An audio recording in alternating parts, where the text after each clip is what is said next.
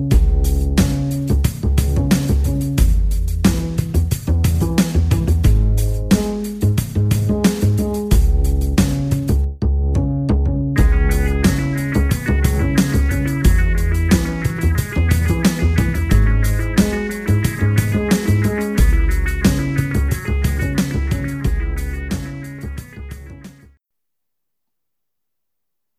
Velkomin í 82. þáttin á Djaflavarpinu. Ég heiti Maggi, með mér er Haldur, Passaður. Lukas Góða kvöldin. og Danni. Sælir, Herru, við hérna hefum tvo leiki til að tala um í þessum hætti og Arsenal og Basaksir, ekki byrjum um að stafa það og hérna við kannski vindum okkur bara, bara snögt í Arsenal leikin það sem að leikur sem að fylgdi eftir stórkastlegri hérna framstöðu gegn hérna RB Leipzig frá Þísklandi og við vorum náttúrulega vorum eðlilega spennt sem höldum United að sjá hvort að liði væri lagsins komið í gang, loksins komið heimasugur og hvort þetta var- að menn væri komin í form og hérna, nú getur tímabili fara á stað. En Haldur, það var ekki alveg raunin Nei, uh, hreint ekki, en uh, ég ætla að byrja á einu hérna áður en ég fer að tala um hennar leik og það er hald upp Já. á jólabjórdaginn hérna. Uh, til hafum ekki með daginn. Uh, sko, maður verður að gera eitthvað til að hressa sig við, því þessi leikur var náttúrulega bara, hann var ekki skemmtilegur, maður að, maður var alveg spenntur fyrir þessu leik, þú veist, Solskjær, Arteta, veist, Arsenal einhvern veginn að koma, í, veist, svona, þeim er ekkert búið að ganga eitthvað svakalega vel með að við einhvern veginn ágætt að spyrjum þannig að svo var þetta bara, þetta var sko svo mög leiðilegt og þú veist, fyrri hálfleikurinn var einhvern veginn bara kraftlaust og andlaust og hérna, þú veist, mann er, já, þetta, ég veit ekki hvað maður á að segja um þetta þetta er bara einhvern veginn það sem hafi gengið vel, veist, í leiknum en í vikunum undan, það bara var ekkert að sjá, þú veist,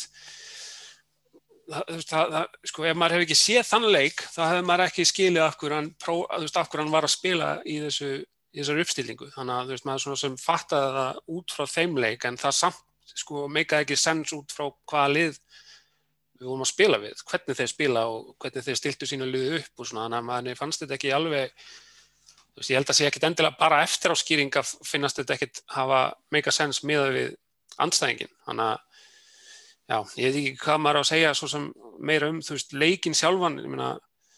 þess að bara endaði nú leitt og þú veist, það bara, jú, jú, mistök hérna, þú veist, þeir skora, þú veist, þeir, Arsenal ha- hafði yfirburði í leiknum, en þeir þurftu samt mistök frá United til að skora, en þú veist, áttu samt skilið sigurinn, þannig að það, var ekkert ósangið úslitt, því miður. Nei, hérna Daniel, hérna Pogba var svolítið millir tannan af fólki eftir hennar leik og við hérna, tökum aðeins meir umræða eftir en hérna hvað er, er eiginlega í gangi með Pól Pogba? Já, hann var, hann var gjörsamlega afleitur, það er svo sem ekkert eh, Pogba kannski á kannski ekki endilega skilið að vera tekin út fyrir svega því að liðið í heilsinni gat ekki skít en hérna hann, hann virðist bara í hvert einasta skipti sem hann mætir miðumönnum sem eru jafn okkar hans eða bara góðir, góðir fótboltamenn og, og líkanlega sterkir að þá getur einhvern veginn alltaf bröðið til begja vona hvernig hann bregst við mótlætinu og það er svo oft sem hann einhvern veginn bara koðna niður og bara einhvern veginn gefur ekkert af sér. Og uh, fer svo að fela sig einhvern veginn á bakvið einhver tryggs og hælspillur og einhver svona vittleysu sem að bara ég hef engan húmor fyrir og ég er bara, ég er svo nálægt í að gefast upp á Pogba, að gefast upp á því allavega að að verði einhvern tíman þessi stöðu í frábæri leikmaður sem maður batt vonir við þegar hann kom 2016 til okkar aftur á freka mikið pening. Þannig að þetta, þetta gekk ekki upp, upp gegn Arsenal og Thomas Partey var algjörlega með Pogba í vasanum. Já, talandi partið, það er náttúrulega leikmaður sem var keiftur í sumar á svipan pening og Donni Vantebík með þannig sem við keiftum og af hverju haldið að United hafi ekki verið að skoða skoðan? Lukas, er, er þú með eitthvað kenningar um það? af hverju við vorum ekki að skoða Thomas Partey er mér eiginlega bara bara svo langt frá okkur við erum ekki búin að kaupa hann að leikmann. Þetta er, er ekkert lindamál að, að hann var með þessa klásúlu. Það er eiginlega eins og bara Arsenal það samt vita af því sem mjög skrítið. En í staðin kaupið Donny van de Beek sem að einhvern veginn enginn verið sátt þessi á hvað á að spila. Hann spilar annarkort í hólunni eða komið niður í djúpan með Matic í gæri 4-2-3-1 og það er bara mjög skrítil kaup svona ef hann á ekki að koma inn í liðið með Pogba og Bruno að kaupa ekki Thomas Partey sem það geta komið í, í þryggja manna miðju með þeim. Nei, hérna, svo líka spurninga eins og með Mantibík hérna, ég er, búin að hlusta líka með hver, hvernig hann hefur verið notaður og hvað hann hefur verið lítið notaður ég er alltaf fengið á tilfinningu að það hefur verið svona leikmann sem að Solskjær verðurinn vildi ekkert fá en hefur bara verið keftur af stjórninu til að fá einhvern veginn Mér líður bara eins og það hafi mér líður eins og það hafi bara keft hann af því að það var orðrámur um að Real Madrid það viljað hann bæði í fyrra og, og fyrir sumar. Ég er samt mjög hrifin á Donny van de Beek og ég vil sjá hann spila í staðan fyrir Pogba í liðinu sko eins og staðan er núna en held að Solskjær sé ekki á sama máli. Nei, en þarna, það er þannig að kemur kannski svolítið ljós en þarna en þarna, við söknum klarlega Haldur Anthony Martial í þessum leik. Já, ég held að veist, það var svona með hann sérstaklega því að það að vera með hann sem annan að þessum tveimur fremstu í þessu demanta 4-4-2 það er allt annað endur en að vera með Rashford og Greenwood, þeir eru báðið frábærir en þeir eru svona kannski veist, þeir eru ekki svona þessar, þessir ekta framherð, þú veist, þeir eru meiri svona vilja vera á vagnum og koma inn og, og svona ráðast á vördina með boltan og svona hlaupa með boltan og fá hann svona fyrir fram að segja meðan sko Martial er allan af þeim þú veist svona kannski bestur í að halda bóltanum og taka við honum og reyna að koma einhvern, að fá einhvern með sér hann er svo sem ekki engin kannski hann er ekkit eitthvað alveg klassíska nýjan en hann er svona veist, hann er alltaf að vera betri í því finnst mér. Og ég held að það hefði Veist, hefði mögulega verið betur að hafa kannski bara Cavani eða einhvern, þú veist, þótt að hann sé kannski ekki komin í leikform eða eitthvað, bara til þess að hafa eitthvað svona aðeins öðru í sig að því að, að, því að þú veist, manni fannst einhvern veginn stundum vant að smá að geta þú veist, að því að sko miðjubaráttan var alveg töpuð, þannig að hafa einhvern svona, einhvern veist, senda boltan á og, og færa liðið upp og vinna einhvern veginn út frá því. Þetta er svona, ég held að þér hafi saknað hans en svo segir maður það og hann, meina, hann var ekkert eitthvað æðislegur heldur í, í hérna, Európa-leiknum í gær, þannig að kannski hefði það ekki breytt miklu en, en manni finnst þetta bara svona kannski dæmum það, það sem að, veist, með þessa uppstillingu sem virkaði vel á móti uh, RB en þú veist, svo skilur maður ekki alveg ákvarðanar eins og ok, af hverju var hann með Rashford og Greenwood, þú veist, áttu þeir ekkert að vinna, þú veist, svoleiðis áttu þeir bara að vinna allt öðru í sig þótt þetta hafi verið svona demanturinn og af hverju var Fred allt í náttúrulega aftastur, hvað, þú veist, hvaða grill var það? Þú veist, McTominay var svo, sko, þú veist, orðin hana áttan og Fred sexan, þú veist, og þeir virtust ekki almennilega að vita hvað er hægt að gera við það sjálfur það er eins og það væri bara, hefur bara fengið að vita þetta svona hálftíma fyrir leik að þeir ætti að svissa þarna og þú veist, ég veit ekki hvað þú veist, það hefur átt að vera eitthvað rosa sniðut en þú veist, þetta bara rugglaði það þetta bara rugglaði einhvern veginn meira eldur en að hjálpa þig og síðan þegar að loksins breyttu hann í hálfleik þá fara þær í fjóri, tveir, þrý reynd með tokkbátt og vinstri kanti sem að lendi síðan í, þú veist, að þurfa að dekka overlappið og, og hérna gefið viti, þú veist hvað þetta, þú veist, ég bara skil ekki þessar ákvæðantökur frá solskinn með þetta því að, að því að þú veist ég, þú veist, ég bara fatt ekki hvað hann var að hugsa með það, þú veist að hérna, já, en, en jú, Marcial saknað, ég, ég held að hann hefði veist einhver svoleiðis týpa sem hann gæti svona var hægt að senda upp bolt, boltan upp á og svona vinna út frá því, ég held að það hefði alveg mögulega breytti að við geta séð United gera allavega eitthvað í fyriráleik en, en hvort það hefði verið nóg til að vinna leikin, ég veit ekki. Það, það var ekkert mikið í þessu svo sem þannig að þú veist Þú hefði ekki viljað sjá, vilja sjá fella inni hérna inni til að losa pressuna Já, því, það, veist, það, það hefði virkað ég meina það svo sem hefði ekki verið eitthvað glæsir spilamennska en það hefði, þú veist, þegar það vart með þarna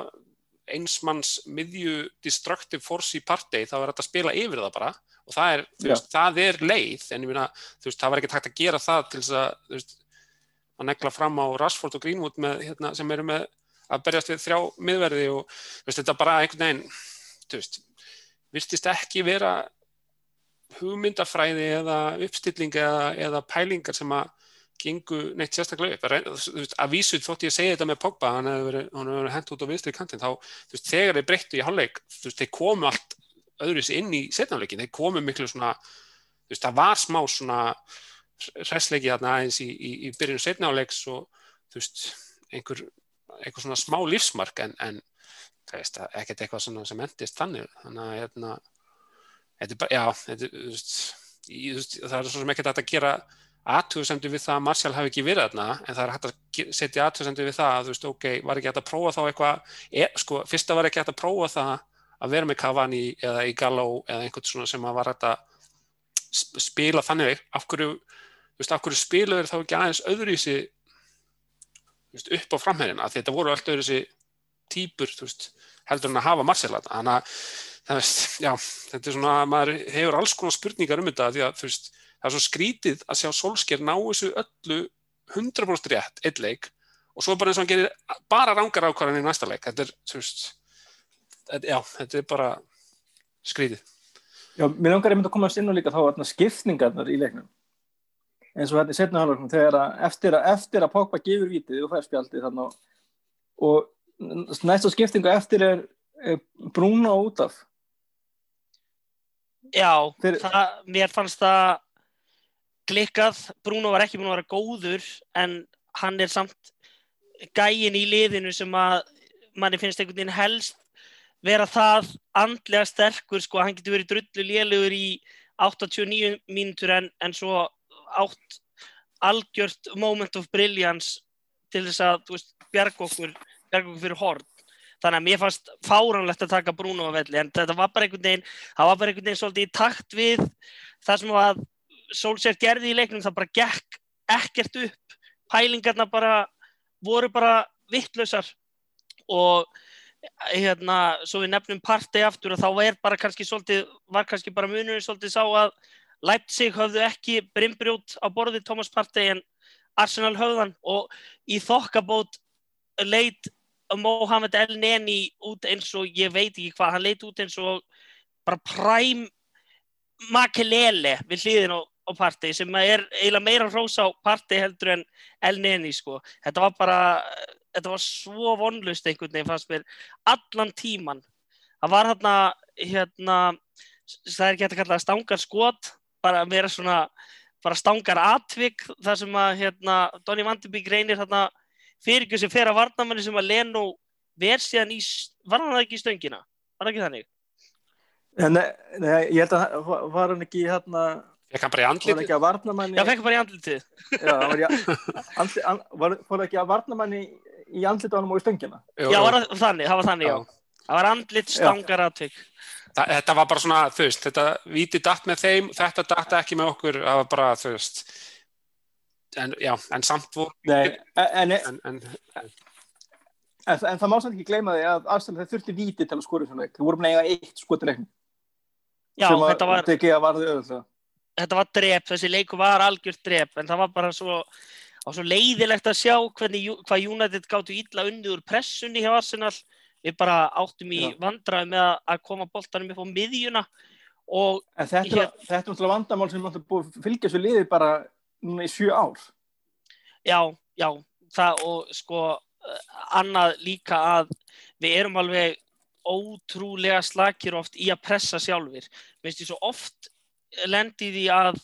horfa á pressu hjá öðrum stórliðum sko og hugsa með mér af hverju, af hverju getum við ekki gert þetta? Af hverju getum við ekki gjört svona trappað lið niður bara á sínum einn vallarhelmingi þar sem þau bara, bara ná alla að anda? Að koma svona moment en við bara, við áttum ekki breyk þegar þeir töldu rétt og, og voru onni í pressunni. Nei, hérna, og svo talaði Rauð Kína um eftir leikin, hann var ekki hrifin af Rassford í leiknum.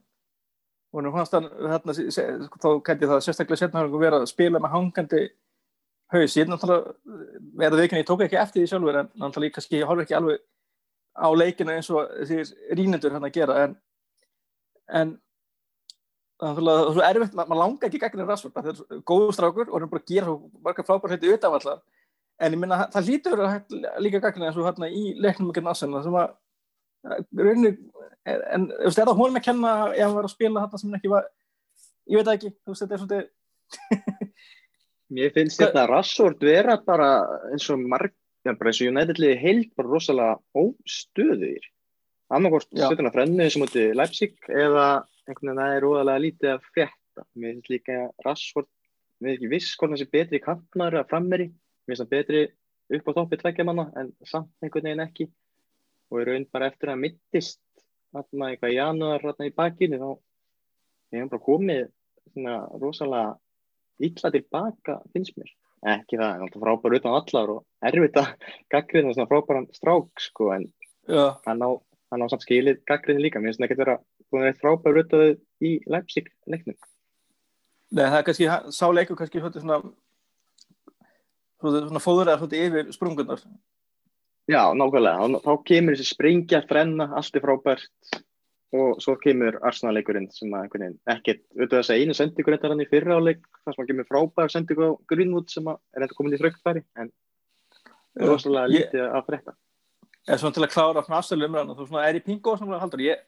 þarna, ég hef 0-0 hefði verið sanginuslut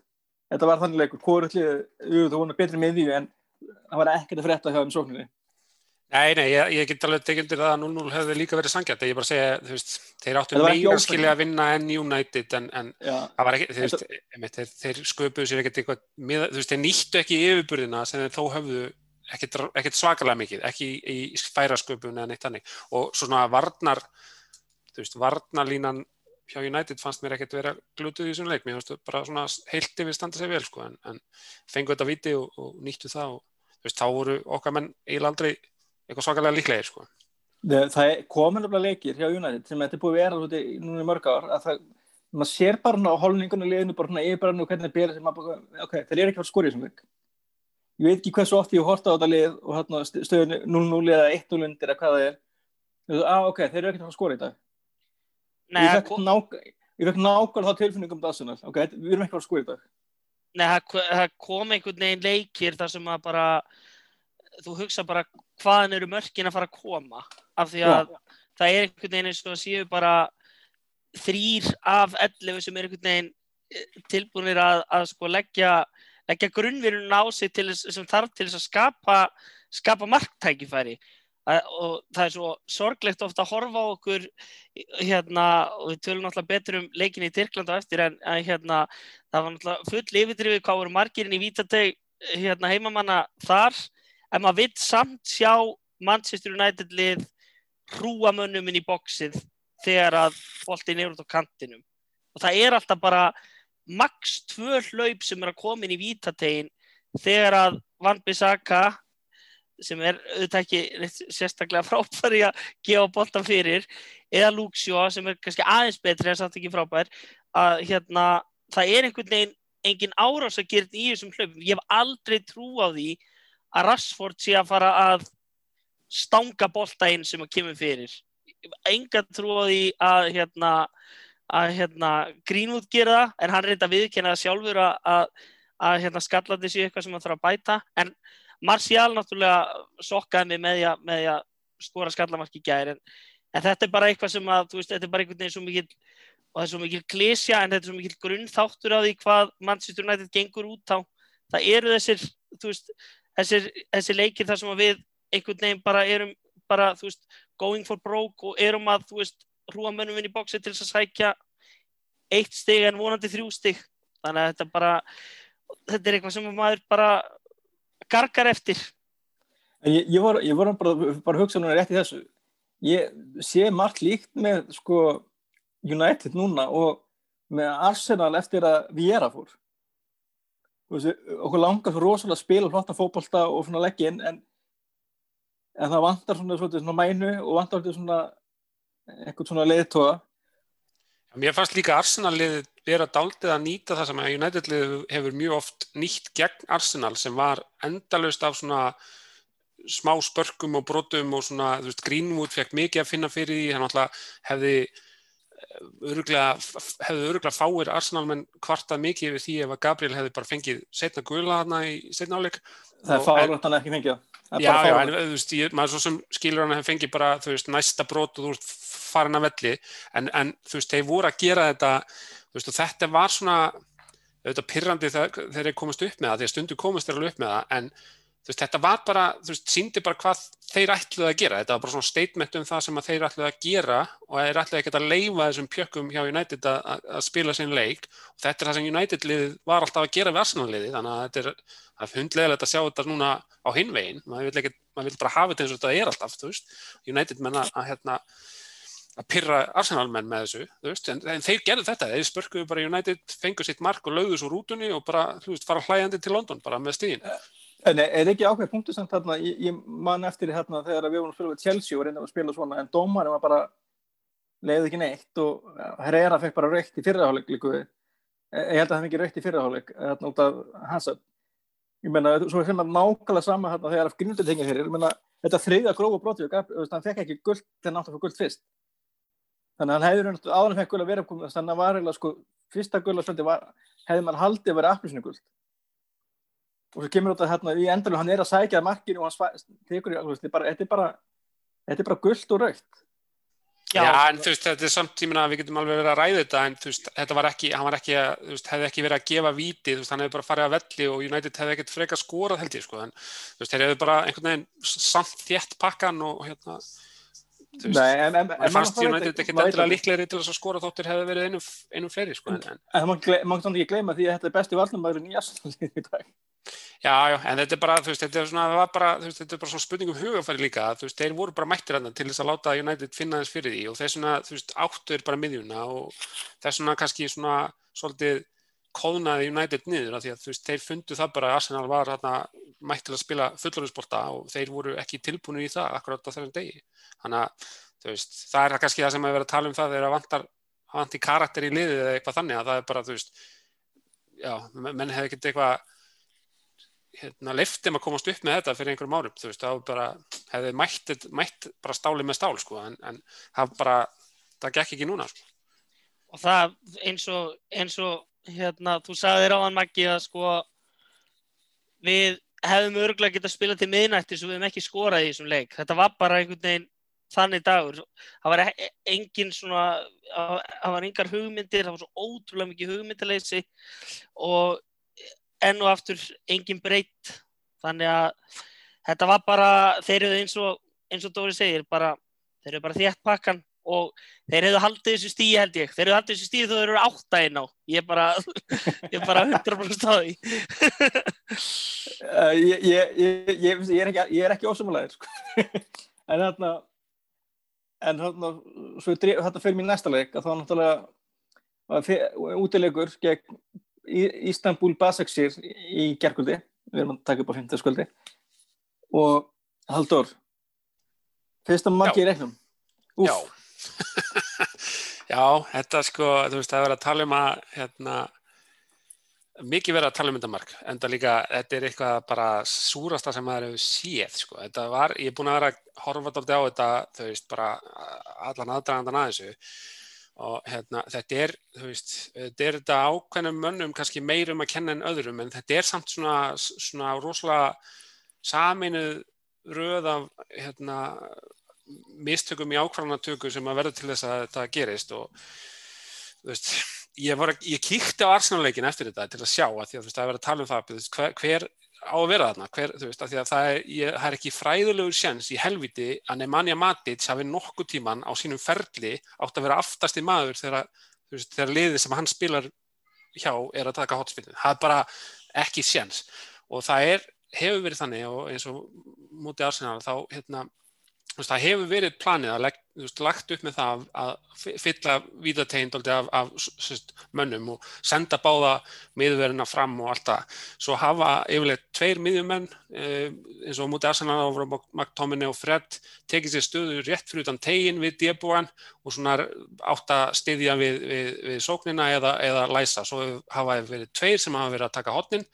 og Van Bissaka verið lang aftastur af því að það meikar sens, hann er, hann er náttúrulega bæði fljótast í varnamæðin í þessu liði og bara lang, lang bestur svona one on one þú veist, að bara elda upp í menn og, og tækla og, og, og hérna Já, hann er best, það be, best taklan í liðinu heldur. Já, hann er náttúrulega bara einhver besti tæklarinn í fótbolta bara í dag, sko, það er, þú veist, að hann gerir það bara listformi að tækla, tækla boltan, en, en, þú veist, allan að, hann, hann átti definitely að vera að naftast og það, þú veist, ég,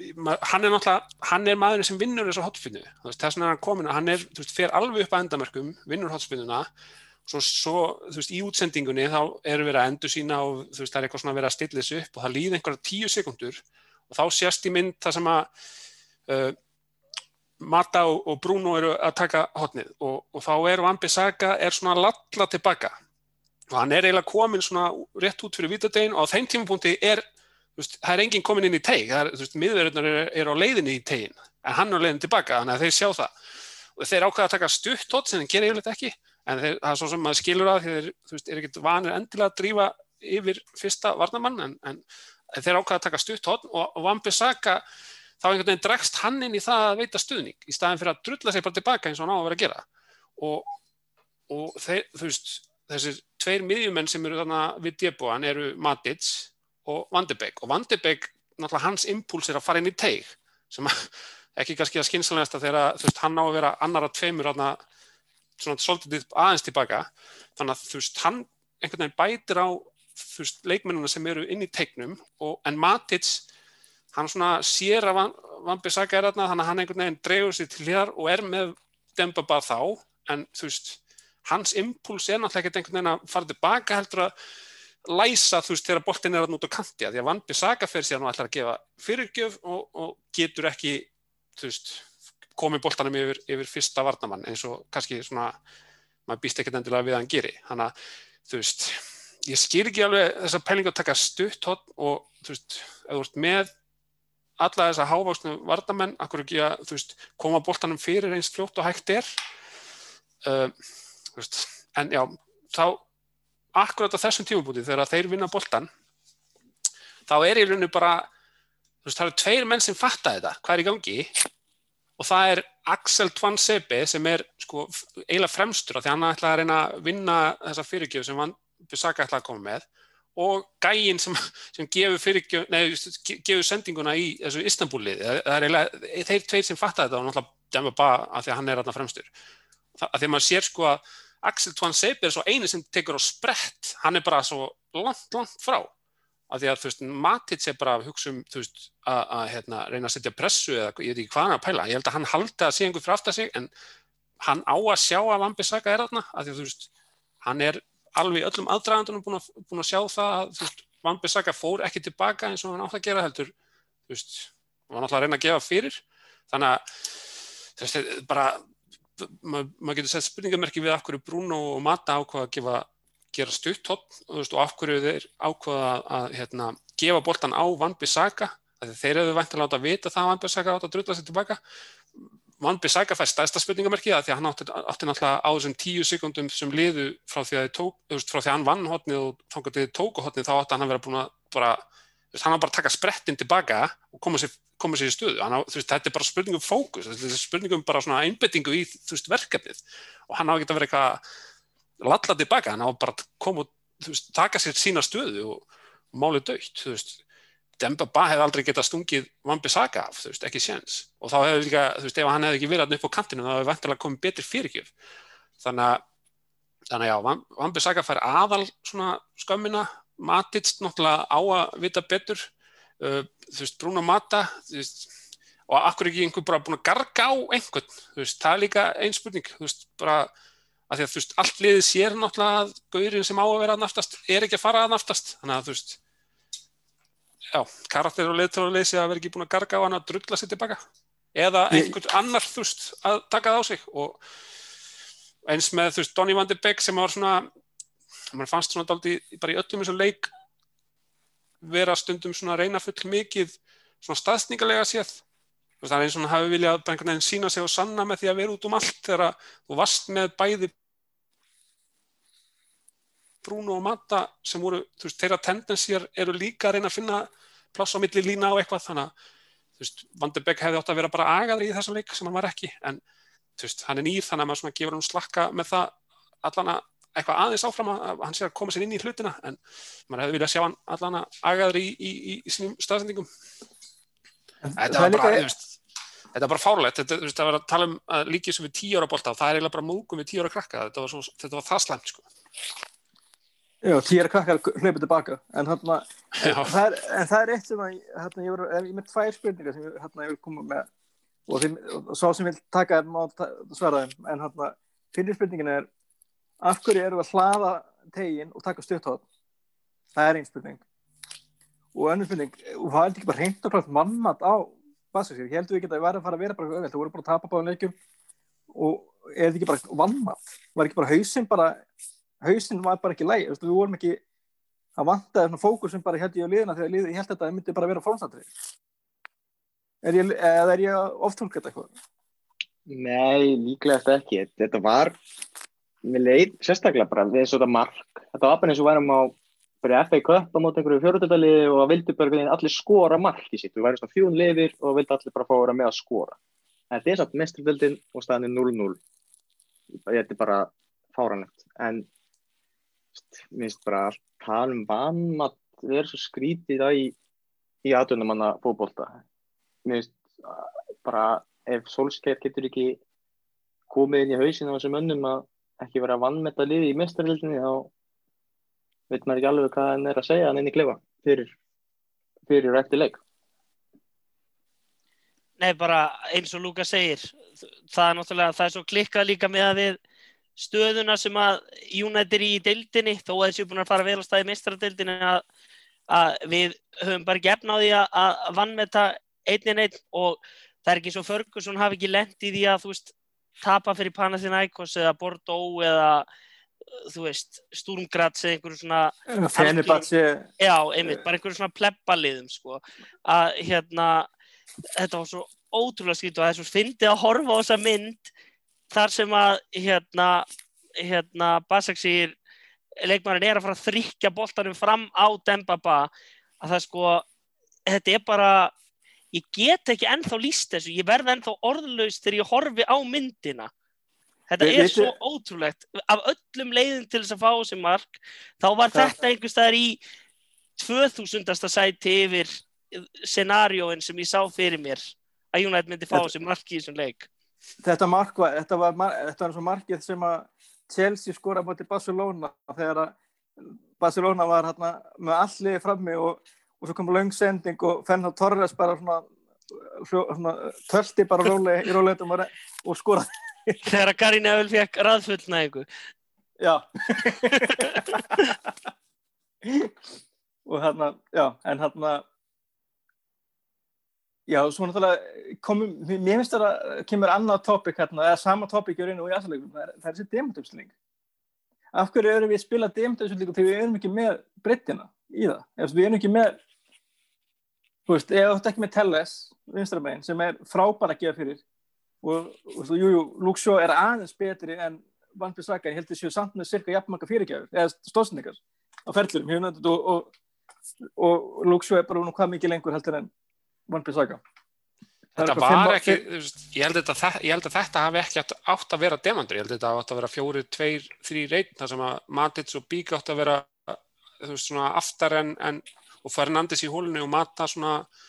þú veist, en þú, ert með Vandi Bík og, og Bruno og Mata, þá náttúrulega eru þeir einhvern veginn leitandi út um allt og Rashford var þarna út á kanti samt leitandi inn, þú veist, þannig að þetta, þetta varð allt rosa þröngt, þú veist, það var bara engin breytti í þessu, alveg eins og með demantin en samt, þú veist, þannig að þetta var rosa svona óbalanserað og það er orð sem hefur verið notað rosa mikið um United í þessum, þessum, þessum leikjum að þú veist já, þetta ég- já, við höfum séð lið sem er svona þetta er svona hérna það sem að er viljandi svona þú veist, svona ekki, ekki kannski óbalanserað en svona þú veist eins og þegar við vorum með hérna fjóri, þrýr, þrýr kerfi þegar, Hargreis var út á kanti einhvern veginn eða það var eitthvað svona Já, veist, það bara gekk upp að veist, að, að, að, því að það, það var til mótvægis við eitthvað annað þú veist, þú varst Já. með eitthvað, eitthvað svona eitthvað svona á sem var kannski rauninni- alveg balanserað en það var Nei. til þess að vega upp á móti eitthvað hinum einn, en þetta er bara óbalansera bara því að þú veist, þeir veit ekki hvað er eiga að gera og þú veist, já, þannig að Já, og Nei. líka, svolítið, er þetta ekki líka svolítið óbalansað líka bara því að menn eru settir inn á í einhverja stöðu bara af því að við höfum, að það verður að vera einhverju stöðu, en ekkit endilega að þeirra, að þeir séu sterkir í, í þeirri stöðu, eins og hérna matarinn frá hann kom til að þegar það var að vera að setja um þetta hægri kant. Haldur náttúrulega neglir fúndin algjörlega á höfuði þegar hann nefnir, nefnir Hargríf sko af því að og sko að menn virðast ekki vita hvað er ég að gera á meðan að í, í liðinu sem að Hargríf spilaði að þar, þar voru menn svo ótrúlega klárir á því hvert hlutverk hvers og eins í liðinu var sem ég bara, ég gerir mér enga grein fyrir því hvert hlutverk hvers og eins leikmanns í United-liðinu í augnablikinu er Já, og er- sérstaklega ekki leiknum þess í gerð. Nei, já, bara 100% sko. Og eh, bara einhvern veginn, þegar að, þegar hann fer að henda Pogba og Cavani og Greenwood og þeim inn á sko, að mér fannst þessar skiptingar á Pogba og Cavani, mér fannst þetta einhvern veginn bara svona, hann bara svona einhvern veginn hefur hort á bekkin og bara, að já, þið tveir farið þið bara inn á. Þetta var bara einhvern veginn, ég, ég einhvern veginn sá ekki hvað var að fara að gerast og svo gerðist náttúrulega bara ekki neitt veist, við vorum ekki, ekki nálægt í fyrir ná 93. mínútu að jafna leikin og það var bara eitthvað algjört kraðak í vítategnum þar sem að boltinn fór held ég af varnamanni þeirra og næstu yfir marklínuna þannig að þetta bara einhvern veginn þetta var einhvern veginn annað, annað vonleysi það er svo leiðilegt að vera svona neikvæður en það er bara svo erfitt að finna jákvæðliðina í Nei, síðan er líka bara síðan er líka bara einhvern veginn við bara eigum bara svo rosalega mikið af framherjum að við erum með að þröngva Greenwood og Rashford sem vilja báðir held ég vera framherjar út á kantana. Og þeir draga sig inn og þá hefur við ekki bakverðina í það að bjóða upp á breytina heldur, ég meina svo í Arsenal-leiknum þá voru leikmenn hættir að gefa Van Bissaka þeir vissu bara ekkert að vera að fara að gerast. Þannig að bara, við, bara, við erum með svo svipaða leikmenn eins og þú segir, þegar þú setur Cavani og Pogba inn á, þá ertu bara að setja á bara inn á fyrir nákvæmlega eins leikmenn þannig, þú veist. Hvoru þeirra breytir einhverju svakalu þegar þeir koma inn á að þeir eru bara koma inn á í lið sem að veit ekki hvað þeir vilja gera Mér, mér finnst það með, eins og með Cavani, mér finnst sko, þú veist, maður sér alveg að hann er að reyna að gera eitthvað annað. Hann bara, þú veist, sko, þú veist, hann er að fara þarna og í staðin fyrir að vilja vera, þú veist, taka eitthvað snaggarlegt spil út á kantið eða reyna að þræða sig í gegnum eitthvað, veist, þá er hann bara að hengja sig á öxlina á varnamanni og svo er hann alltaf að reyna að taka hlaup en leikmennir sem eru með honum í liði eru bara ekkert vanir því að reyna að spotta einhver hlaup og senda einhverja sendingar. Þannig að þú veist, hann er að taka einhver svona þú veist, hann tekur hlaup sem eru bara svona þrjú-fjögur skref og þá sér hann, já ok, ég er ekki að fá boltan þá reynir hann að finna sér annað plás þú veist, hann er að, þú veist það er eins og þau sjá hann bara ekki, þú veist eða, eða séu bara ekki innstiltir á það heyrðu, þannig er, þannig er option þú veist, við getum reynda stingur minni að gefa fyrirgjöf eða eitthvað. Þú veist, reyna eitthvað allan þú veist, að, þú veist, hann er að fá boltan þú veist, maður skoða snertingarnar hans og sendingarnar hans, þetta er bara, þú veist, hann er að fá eitthvað svona, hann er að draga sig út á vinstri kantin og fá eitthvað svona smá að snerta boltan, þú veist, og þeir eru ekki eins og að reyna einhvern veginn, þú veist, að gefa honum sjans, þetta er, þetta er, þú veist, heimsklassa framherji með, með, sko, skriljón mörk á bakinu og, og reynslu til þess að þefa upp færi, akkur gefur honum ekki sjansinn allavega á að, að gera eitthvað, þú veist, ég meina, það, þú veist, þú ert kannski með fyrirgjöfuna, ok, þú veist, þú þarft kannski ekki eins góða fyrirgjöf þegar þú ert með þessa típu af framherja sem hann vanur að bara, þú veist, boltin einhvern veginn eldir hann uppi ef hann þegar var ekki færið, þú veist. Mér finnst það svona að sjá þetta eins og til dæmis bæði í Arsenal-leiknum og leiknum í gæra að þetta, þú veist það vantar að gefa þessu sjens, þú veist, að allavega láta á þetta reyna, veist, ég meina hvernig á hann að komast í takt við liðið ef það er ekki, ekki hérna þú veist, ef það er ekki einu svona gerða tilraunin til þess að, að þú veist, gefa á hann eða, eða spila hann í gegni eða eitthvað. Þannig að það er svona það sem ég fannst svolítið eins, eins og í, rauninni eins og ég hugsaði til dæmis í Arsenal-leiknum að þú veist, hvort að liði saknaði jafnvel hérna, Mata, af því að Mata mögulega hefði getað fundið hann eða eitthvað en svo náttúrulega gerði hann það ekkert eða hvernig, fór hann út kannski ja, hann fór út þegar Cavani kom inn á í, í gær. Þannig að þú veist er það hann sem er líklegastur til þess? Ég, ég meina mögulega. Eða, eða tellest kannski, ég meina kannski sjáum við það þú veist ef að hann kemur fyrirgjafir af kantinu með eitthvað. En ég meina helst í jákvæði punkturinn við leikin í gæri er reyndar fyrirgjöfum frá Luxjó og þessi geggjaði skalli á Martial sem að þú veist, hann fær eiginlega ekkert kredit fyrir það því að United tapar leiknum en þetta var rosalega góðu skalli. En og svona úr erfiðri stöðu því að hann var eiginlega dett aftur fyrir sig en, en hérna, hann að þetta var svona eini jákvæði punkturinn en, en já, ósynlegu Cavani, það er svona kannski það sem maður hefur tekið doldið út úr þessu líka ég væri til að sjá liði reyna einhvern veginn markvisara að koma honum inn í þetta, þú veist Já, ég, ég verð að gefa Marcial það, hann er alveg, hann er lúmst góður skallamæður. Ég man eftir, man eftir marki bara á fyrsta tímbilin hans hjá United á móti Seska Moskvu úti þar sem að hérna, skallar fyrir eitthvað lausa fyrir ekki Antonio Valencia stöngin inn, virkilega vel gert. Ég er ekki með tölu yfir að hversu mörg skallamerkan hefur skorað, er ekki kannski hans æru kýr en, en hann er lúmskur gefum það, en já, bara eins og þú varst að segja með, sko, með Cavani að, að ég, hérna er ekkert, maður er ekkert að gefa upp von og ég bind voni við að hann og Telles geti mögulega linka vel saman því að það er einhvern veginn, það er einhvern veginn bara stórsigur unnin þegar við loksins komum boltanum fram fyrir eða yfir fremsta mann sem er bara, virðist bara að vera lífsins ómögulegt hjá svonum leikmennum í liðinu. Og það er, það er vægast að frústrirandi að horfa á. En svo er það eins og varst að tala um með að sko að Cavani eins og margir fótballtamenn gera sem vilja komast í bóltan þeir fara í stöður sem þeir þeim líður ekkert sérstaklega vel í bara til þess að fá touch á bóltanum Cavani á ekkert að vera út á vinstri kantinum. Fyrir ekkar en að þú veist að Marcus Rashford eigi að vera að sækja bóltan lengst fyrir aftan miðju. Þannig að þú vilt bara sjá center forward bara planta sér í bóksið og veri í einhverjum barning. Því að þessir, þessir snifferar það er einhvern veginn eins og varnamenn séu líklegir til þess að gera minnstök og boltin detti, detti óvænt fyrir þá ef að fyrirgjum bara skila sér þó allavega inn í miðjan vítategin sko. Já, algjörlega ég var líka að hugsa bara hefði ekki verið flott að byrja bara með Cavani og vera þá með Rassvort út af þetta vinstramena því að það er bara, þetta er verið sér algjörlega ófært um að brjóta niður svona varnamóra og þú, besta leginn til þess er að, er að tegja á vörninni. En hérna, já, en hérna algjörlega, algjörlega. Og þess vegna hefði kannski um, Greenwood hægra megin, Rashford vinstra megin, Martial í, í miðjunni verið, verið sniðast upp, uppstillingin í þessum leik. Eins og við vorum að vinna mikið með þegar við fórum á þetta skrið eftir COVID-pásuna hérna, á síðasta tímbili þegar hérna, Bruno skoraður ófáum vítum og, og Greenwood skoraði eitthvað flott mörg þannig að hérna, kannski var það leiðin. En við hérna, komumst í staldri að því. Það er rétt, það er rétt. Hérna og svo hérna, já, þú kannski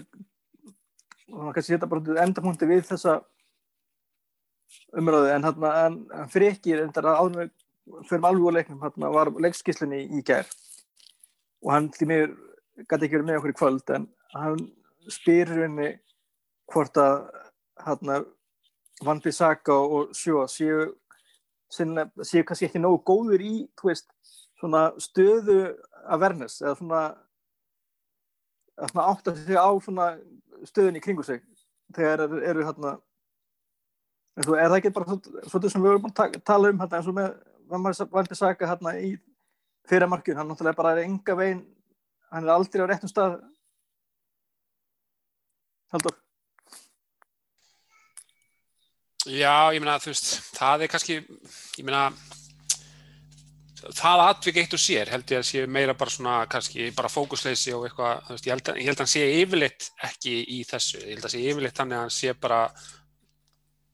túndra sér tilbaka en það, það mögulega er eitthvað svona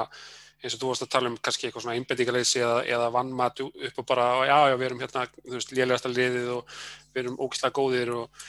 þú veist allir vilja skora en, en just, ég meina hann greinlega á að vera þarna upp hægri kantin og hann er að gera það ágætlega en veist, ég, æ, veist, það hefur verið, sjó hefur verið gaggrættum mikið fyrir þetta, ég held að hann hafi verið að reyna að gera það sem hann átti að vera að gera. Eins og þú veist í setnamarkinu þá er hann lengst upp á velli. En ég get samt ekkert, þú veist, maður getur ekkert verið að kenna honum um það marka því að þú veist, hann gæti ekki séð fyrir að Bruno myndi setja mata í vandraðum, þú veist, þegar mata var komin þetta aftarlega, þú veist, þetta var svona, veist, það er ekki, það ekki lúk sjó að kenna, svo staðsetting, þannig að, ég, ég svona veit ekki, þú veist, mjögulega er frikið með einhvern, einhvern góðan punkt í þessu sem að, þú veist, væri gaman að heyra, tala meira frá en, en ég svona er ekkert endilega á því, en ég held að myndi mögulega vera til bóta eins og fyrir Van Bissaka ef hann, þú veist, ef hann þyrst ekki að vera svona fókuseraður á að fara fram eða vera þetta, þú veist, eins og þú veist, það er lenska að vera með þetta svona splitting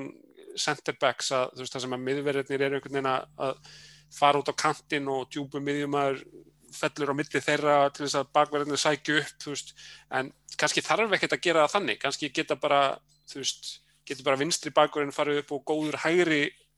kantmaður, til dæmis Jadon Sancho eða einhver, bara svona til að nefna eitthvað nafn, uh, gæti verið að sjá um, veist, að halda vittina úti hægra megin og þá gæti Van Bissaka bara nýtt sína styrkleika og verið, í vörninni eða haldi, haldi línunni þar, veist, þannig að ég, ég veit ekki hvort, ég, veist, ég veit ekki hversu mikið vandamál það er, en það það er greinlega vandamál að, að þeir eru ekki nógu góðir kannski að halda svona breytar uh, pressu eða eitthvað, þú veist, að, að þú veist, það er, það er of, bitlaust allavega það sem við erum að gera upp á breytina, þannig að En, en, en kannski, ég meint kannski bara í þessu leik, en það er ekkert langt síðan eins og mútið tóttunum þegar að rauninni Luxjó er bara út á ekka og, og Harry Maguire neðist til að fara langt út á kantinn og þá opnast all vörninn hann þannig að þetta er er búið að fylgja hans leikundi, var ekki hérna hvort gott ef Mourinho var ekki með þetta gækna fyrir það að, að þetta er hinnlega leikstjórunum Jú, jú, jú, það, jú, ég meina það passar alveg, en þú veist, svo er hann stundu líka bara frábæri, en svo þú veist, ég meina, það sé ekki bara þannig að báðir þessir bakverðir eru bara betri þegar þeir fá að vera hluti af varnalínunni og hérna, þú veist, eins og hann er Luke Shaw er búin að vera frábær og það er einhverju bestu leikirnar sem, sem hluti af þryggja miðvara uppstillingu, sko, þannig að kannski, þú veist, kannski hendar öðru sér kerfið með eitthvað, en, en hérna Já, þú veist, mér finnst það samt alveg að hafa síntastundum að hann getur þetta, en það er bara spurning hvers vegna hann gerir það ekki ná oft, en það er svo sem spurning sem á við um fleiri leikmenni í. Ná, algjörlega, og það, hérna, það kemur, komur svolítið inn á næsta umræfni, það er hérna, af hverju vantar svona mikið stöðuleika í liðu og þannig að þú ert með eina kenningu sem við ætlum að byrja á. Já, og ég þú ert hérna- með Gjöfgjölsverð Já, takk fyrir það. Ég, hérna, ég, það er svo bara, það er svo fáir leiðtóar í þessu liði, eins og, eins og sérfræðingar og analysts eru náttúrulega búin að tala rosalega mikið um. Og ég, hérna, eins og sambandi við Harry Maguire sem að kemur inn bara nýr leikmaður á síðast tímbili og er svo orðin fyrirliði liðsins bara í janúar. Það er sko bara eiginlega sama hversu magnaðu leiðtói Harry Maguire er þá er eitthvað rosalega óeðlegt, óeðlegt við það að spánir leikmaður komi inn í hópin og sé komið bandið bara eftir hálft leiktímabil, fyrsta leiktímabil. Þannig að það er, það er bara er rosalegt áhyggjefni og en í annars það grættu við hérna leiðtóga í Bruno sem að, en hann er meiri svona ég veit ekki hvernig, hvernig, hvernig er kannski best að orða hann, er, hann leiði með gæðunum, gæðunum sem hann hefur, frekar heldur hann sé sérstaklega vókalinn á vellinum. Og hérna, og er kannski á þess að bera, bera sama við kongin sjálfan, en þá er hann kantona-esk í því, í því dæmi. En svo bara horfi ég yfir hópin og ég bara, ég veit ekki hvar ég á að nefna karaktera sem að virkilega draga liðið. Getur nefnt Rashford einstaka sinnum og hann náttúrulega er ótrúlegu leittói utanvallar í því sem hann er að gera, gera fyrir hérna landið sitt en hérna en aðrir, ég veit ekki, ég hreinlega veit það ekki. En er með þáttum mjög, hérna, mjög góða punktir hjá þér og, og maður er náttúrulega bara að hugsa þetta lengi, náttúrulega, en Haldur Harry Maguire er svolítið þinn maður og hann talað um fyrir leikin að, að það væri nóga leiðtöfum hjá United. Ertu sammála Harry þegar kemur að því? Ég, sko, ég er sammála því að hann hafi sagt þetta, að því að þú getur eiginlega ekki komið sem fyrirliði liðsins og sagt nei, heyrðu, þetta er sagt að það vantar fyrir, nei, vantar hérna leiðtóið þetta lið. Og þann gerir þetta verið að gera það, sko. En, en hérna, þú veist, en nei, nei, það, ég meina, þú veist, það, þú veist, ég held að þeir viti það allir og ég meina, eins og, hérna, Daniel var að segja með að, þú veist, hann sé orðin fyrirlið, þú veist, þetta sé minn maður og þá fannst mér að samt skríti að hann sé orðin fyrirlið eftir þetta stuttan tíma og Bruno er, var fyrirlið þegar hann vantaði. Þannig að þú veist það er svona að segja svolítið mikið um hvað Solskjær finnst um uh, þú veist, þá sem voru fyrir í þessum hóp sko, að, veist, að þetta séu svona mennirni sem að, ég meina, kannski þú veist, kannski á þetta að vera statement um eitthvað nýtt upp af og, og þú veist, eitthvað þannig, eða, þú veist, eitthvað til að hrist upp í eða eitthvað, og ég meina, svo veit maður ekki ég meina, hvernig þeir eru, þú veist, í klefanum. Kannski er þetta bara mestu fyrirvætnir og þá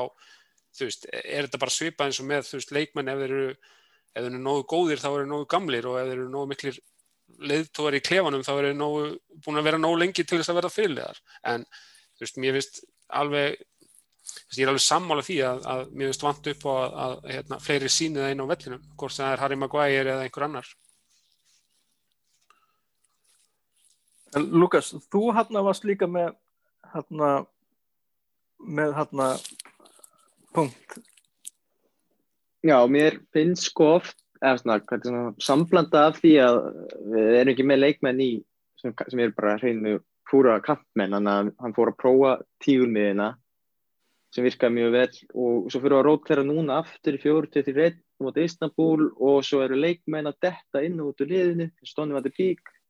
spilar í hólunni í fjórir þessar tíkla demansmiðinni og séðan er hann komin í gær í Istanbul í djúban með Matic sliðin á sér, það er svona rosalega erfitt fyrir hann og marga þessu liði að finna eitthvað takt þegar þeir komin á af því að þeir eru komin í nýja stöðu og nýtt leikkerfi og þá fer allt í rugg. Bara orðið mikil rótering á leikkerfum og leikmennum inn á vellinum. Svona eins og Óli sé að reyna að vera ofsniður á milli leikja. Og breyta of miklu eða kannski jafnvel of litlu bara til að reyna að vera sniðu, þessu erfitt fyrir leikmann Stónvaldi Bík sem komið nýr inn í klubin spila mjög vel á móti Leipzig settur á bekkin á móti Arsenal kemur inn og reyna að retta hlutunum og svo er það settur í djúban og miðjunni sem að hann er ekkert rosalega góður að halda stöðu varnarlega, hann vill fara fram og sækja og þá er allt er allur taktur farin út úr leikleysins Já, það er einmitt hérna, ekki, ba ekki bara miðina þetta er líka verið, síðustu án líka verið svo mikið vandamál að finna þessum svo vörnina við í, í raun og veru vitum við ekki enda hver er sterkast af vartalíðinu hjá United og við vitum við ekki heldur hvað er sterkast af byrjunlega en solskjör er, er það ekki eitthvað sem við ættum að vita núna eftir allan hennar tíma? Við ættum allan að vita já, Lúis, já, Við ættum allan að vita hvaða leikkerfi en hann virðist vilja, vilja spila 4-2-3-1 en að mínum að þetta bara ekki með leikmenna í það. Við vorum ekki að spila er ekki rétt hjá mér að við spilum að mér fannst allan að vera 4-3-4 eftir COVID rístartið að Matis var eitt djúpur og Pogba og, og Bruno fengist að vera svona áttur. Ef það ekki rétt hjá mér? Bara 100%, 100%. Af, af hverju það hægt? Af hverju núna aftur byrjar þessi fjóru, tvei, þrjur, einn sem að mér bara aldrei fundist virkan eitt svakalega vel. Mér finnst Pogba ekki góður í mér finnst Bruna ekki ekki góður í. Nei, bara, bara mjög, mjög góðu punktur. Ég er hérna ekkert mjög, mjög ígrunduð kenning en, en hérna það var eins og Solskjær hefði bara tapat trúni á því dæmi af því okkur gekk svo illa þarna bara í blá lokin á síðasta tímbili, sem bara í loksumars að við hérna náum ekki úslit þarna á móti Chelsea náum svo ekki úslit á móti Sevilla og þá bara svona semi eins og svo uppstilling væri, ég segi ekki döðadæmt en, en hún hefur svona allavega verið lögð til hliðar í, í smá tíma.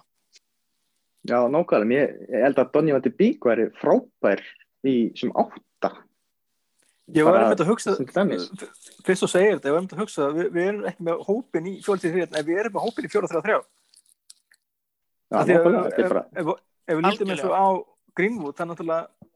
er náttúrulega strækjar upplægi og, en hann er líka sko, getur fyrir vængum sem þá svona inn á sækjandi vængmaður og þá er hann náttúrulega framar vellinum og það náttúrulega væri ennþá betur stað fyrir hann heldur en að vera hægri kantinn. Algjörlega. Ég, það er búið að vera svolítið gegnum gangandi með Greenwood á þessu tímbili. Hann hefur verið rosalega einangraður út í hægra meginn þegar hann hefur verið að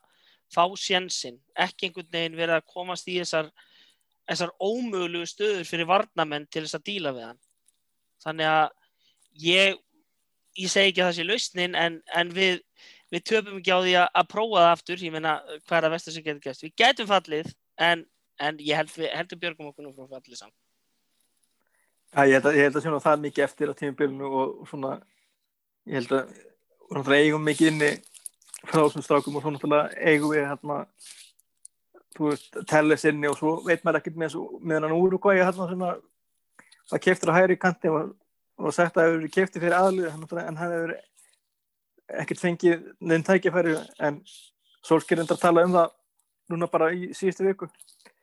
að hann, eða núna er bara, hvort að það er bara núna mándaginn að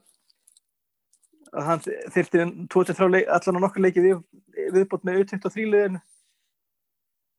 En svo spurning sko, hvað hann, hva- hverju hann skilur okkur er hann tilbúin í ennsku dildina veist, það er svo mikið spurningum með það Mér finnst þetta samt sko, veist, þessi pæling með, veist, það er gott að blessa að vilja vera uh, sveigjanlegur, eða vilja, sko, vilja geta verið sveigjanlegur, eins og með taktík og uppstillingu og svona geta spilað, veist, eftir því sem að aðstæður kalla á. En, veist, ég myndi halda samt að það væri svolítið grunnur að finna sér sinn, sitt svona identity eða sitt, sinn svona veist, að, að liðið finni sinn karakterin á vellinum og þá held ég að það sé langt best að gera það með því að negla niður besta mögulega mög- mögulegu uppstillinguna fyrir liðið og, og bara þú veist, reyna að mastera þá uppstillingu eins og vel og hægt er. Og svo fara að auka fjölbreytileikan og sveigjanleikan og þú veist, þetta er svona eins og maður sér um sko þessar þjálfara sem eru uh, þú veist, bestir og eru með liðin sem eru að keppa um titlana eins og bara klopp og pepp og svona. Það sem að hérna þú veist, leikmenn sko, þú veist, eiga auðveldar með að, með að detta inn í liðin að því að, þú veist, þeir koma inn í svo tilbúið kerfi, þeir, veist, þeir, svona, þeir bara þurfa að vita bara, ok, þú veist, þarna slottar þú inn og þá áttu að gera þetta, þú veist, og þeir vita að væntalega bara þegar þeir koma til liðsins, já, svona bolt að spila þetta lið, að meðan að, þú veist, Vandi Beek, þú veist, hvað heldur að hann hafi hugsað þegar hann kom til United, já, ok, byrju, hvernig bolta spilar United, hvar á ég að slotta inn, þú veist, hann, þarf bara að fylgjast með þessu og reyna að fá eitthvað svona upplýsingar um það og ég meina Solskjær virðist ekki en þá vera búin að svona, vera með, koma með það á hreinu veist, sem er skrítið því hann er búin að vera í, veist, hvað var þetta 101. leikurinn hans núna með liðið og hann, veist, að vera ekki komið með fókus á það er ekki svona mjög jákvætt fyrir hann sem knastbytustjóra því að veist, hann, er, hann hefur átt leiki yfirleitt gegn stórliðum sem hann hefur náð alveg spot on en svona gegnum gangandi einkenni liðsins og, og, og persónuleiki liðsins í heild er bara ekki til staðar og þá, ég þú veist, þá kannski er það spurningin, þú veist, vantar bara liðið sjálft karakter eða vantar karaktera í liðið, þú veist, hvort er vandamál, hænan og ekkið, þú veist, þannig að, já, það er bara svona, ég held að það myndi hjálpa að mastera eitt kerfi og, og þú veist, það var alveg sammála, þrý, þrýr er að mínum að þetta er vænlegra til árangus heldur en demanturinn eða 4-2-3-1 eða 3-4-3 eða, eða þú veist, eitthvað annað, skilur. Nei, það fyrst að segja þetta eins og, með Liverpool og Klopp er að eh, Liverpool spila bara sína taktík og önnur lið bara þurfa að hafa fyrir því að stoppa Liverpool. Liverpool er ekkert að, hérna, að pæli því byrju, þeir að spila með hörpablað þeir bara við erum með þetta kerfi, við erum með þetta leikmenn, við treystum kerfin okkur, við treystum leikmennum okkur og, og það þeir, er bara þeir eru bara með rock solid plan A á meðan að Solskjær virðist alltaf vera bara svona að reyna að byrja á plan C og koma því einhvern veginn, þú veist, bara starta á þeim punkti. Og, í staðin fyrir að finna sitt plan A. það er algjörlega málið. Að vera ekki með 100% plan A en vera með sko 30% plan A, B, C, D er bara, það er svo dauðadæmt. Þú, þá grísaru bara þú, bara innan gæsalappa á, á sigra hér og þar en þú heilt yfir lendur náttúrulega bara í hellingsvesenni, það bara segir sér sjálft sko. Algjörlega. En hann þetta er hug, hann að, við erum búin að tala núna tölvan tíma og hérna hvað þetta er að dempa okkur í fréttir. En það er náttúrulega síðustu vikuna, hann náttúrulega lést Nobby Styles fyrir hann til leikmaður United og ennsku landsliðsins og hefði verið að klíma við elliglöp í nokkur ár og búin að vera lengi veikur og svo bara nána samdagur eða daginn eftir þá koma það fréttir að Bobby Charlton eh, eh, greindist með elliklöp og þar að lendi hefur minna sérst til hans á svona, við erum náttúrulega fyrir þetta náttúrulega COVID og allt það þá hefur sérst minna til hans á svona ofnbæri vettfangi og þegar kemur eitthvað svona samkomum og okkur svona. En þetta er hluti vandamál hérna, hérna hjá eldri knarspöndumönnum eða gömlum knarspöndumönnum er þetta og þá hérna velt, velti maður því fyrir sér sko hvað getur valdið þessum sjúkdómi? Og maður, fyrst að maður eftir huga náttúrulega eru þessi ska- skalla hérna þetta höfumeðsl og þetta skalla bolta ítrekkað og hérna svo er líka heimlega spurning hvort að þegar að þessir leikmenn voru að spila á sínum tíma þá voru verið að spila með töluvert þingri knetti gott þetta var ekki bara þungi liðu, liðu knettir en heldur, heldur þetta sé eitthvað sem að fótboltamenn í dag þurfu mögulega að búa svo undir eða, og, eða, eða og jafnvel aðstöndur eða heldur þetta tengist engangu gömlu liður törunum Ég held að það sé bara eitthvað sem að, þú veist, sé mjög mikilvægt að skoða og þú veist, ég, þetta hefur verið, hefur verið vitundavakning í þessu sem betur fer og verið rannsakna í, í tengslum við náttúrulega fleiri íþróttir, ekki bara ekki bara þennan eh, association fútból, en þetta líka eins og amerískan fótbolta og fleiri íþróttir sem að höfumeðsli, þú veist, geta haft eh, ótrúlega mikil áhrif virðist vera svona setna meir og eh, bara svona, svona falin vandamála því að þetta kemur fram svo löngu setna og hann er núna, Bóbi Tjaldun, hvað, 50, 50 leikmaðurinn úr þessum hópi sem að vinnur heimsmyndraditilinu 66 sem að sem að fær þessa, þessa, þennan sjúkdóm og, og þú veist, ég held að hafi verið talað um að svona hlutsfarslega sé þá væri eðlilegt að eittira hefði þetta að fá þetta. Þannig að þú veist, það er greinlega þú veist, greinilega meiri líkur á því virðist vera að, að þeir fá, fá eitthvað svona og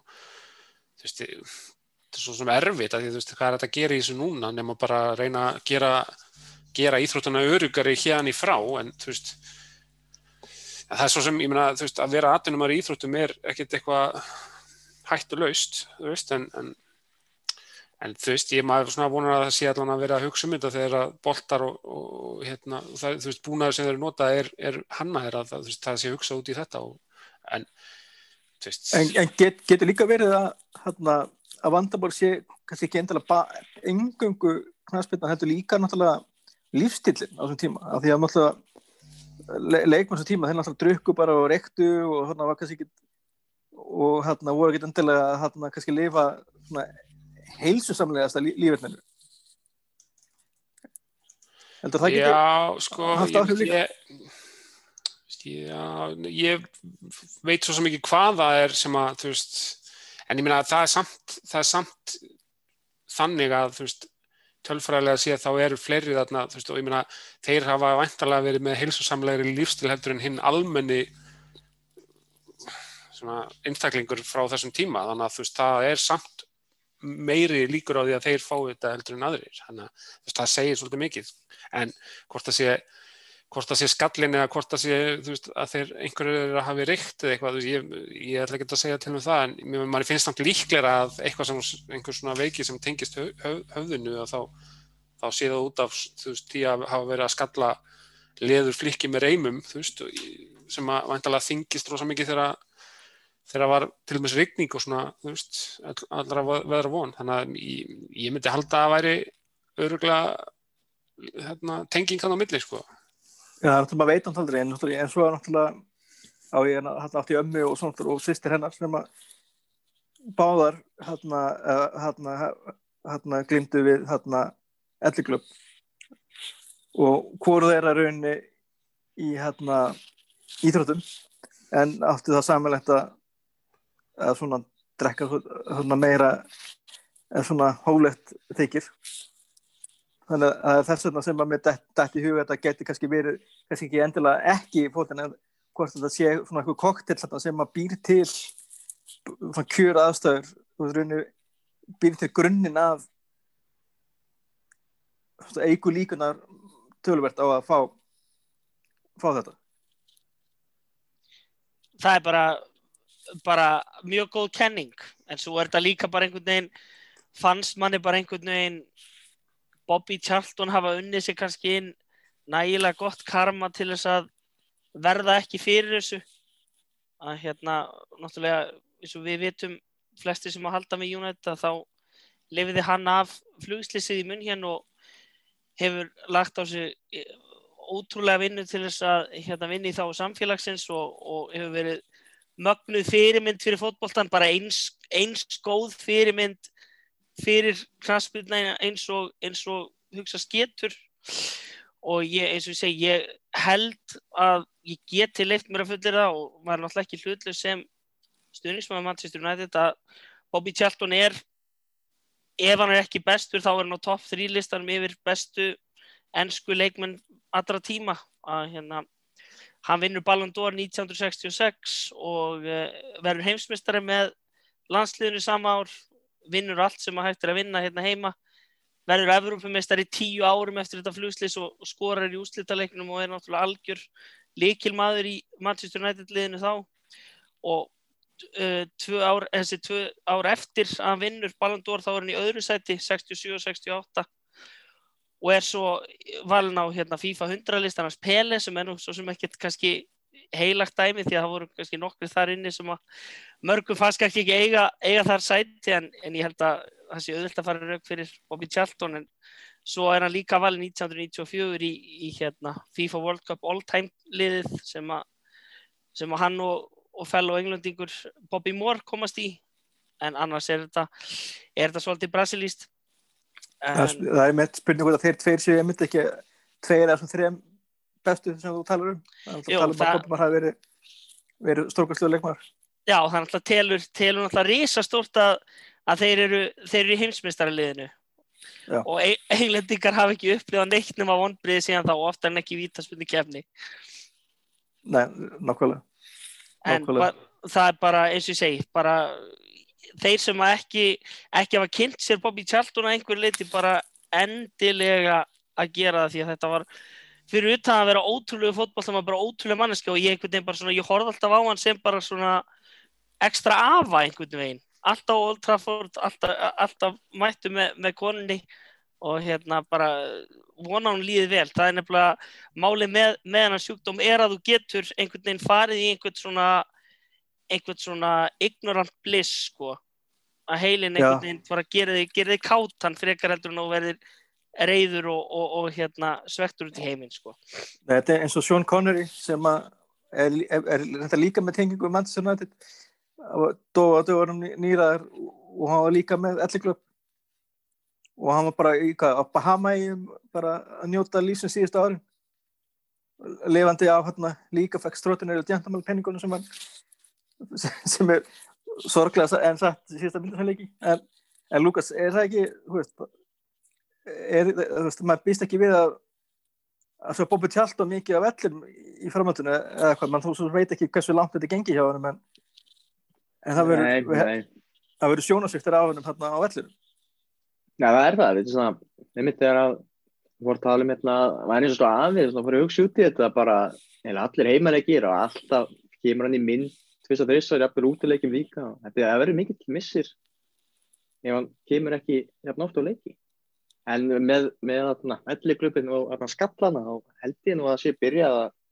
smá svona forvörna að láta ekki unga krakka vera að skalla já mikið á æfingum sko, held ég, alveg örgða allaveg undir eða eitthvað svo leiðis það, það var líka tölverið um, um hérna, vitundvækningu um þetta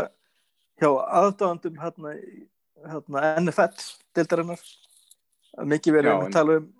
hérna, erfið langtíma áhrif af hérna, sínatöknum sko ekki bara höfuhögum, henni bara líkamshögum en hérna, já, en svo hérna að öðru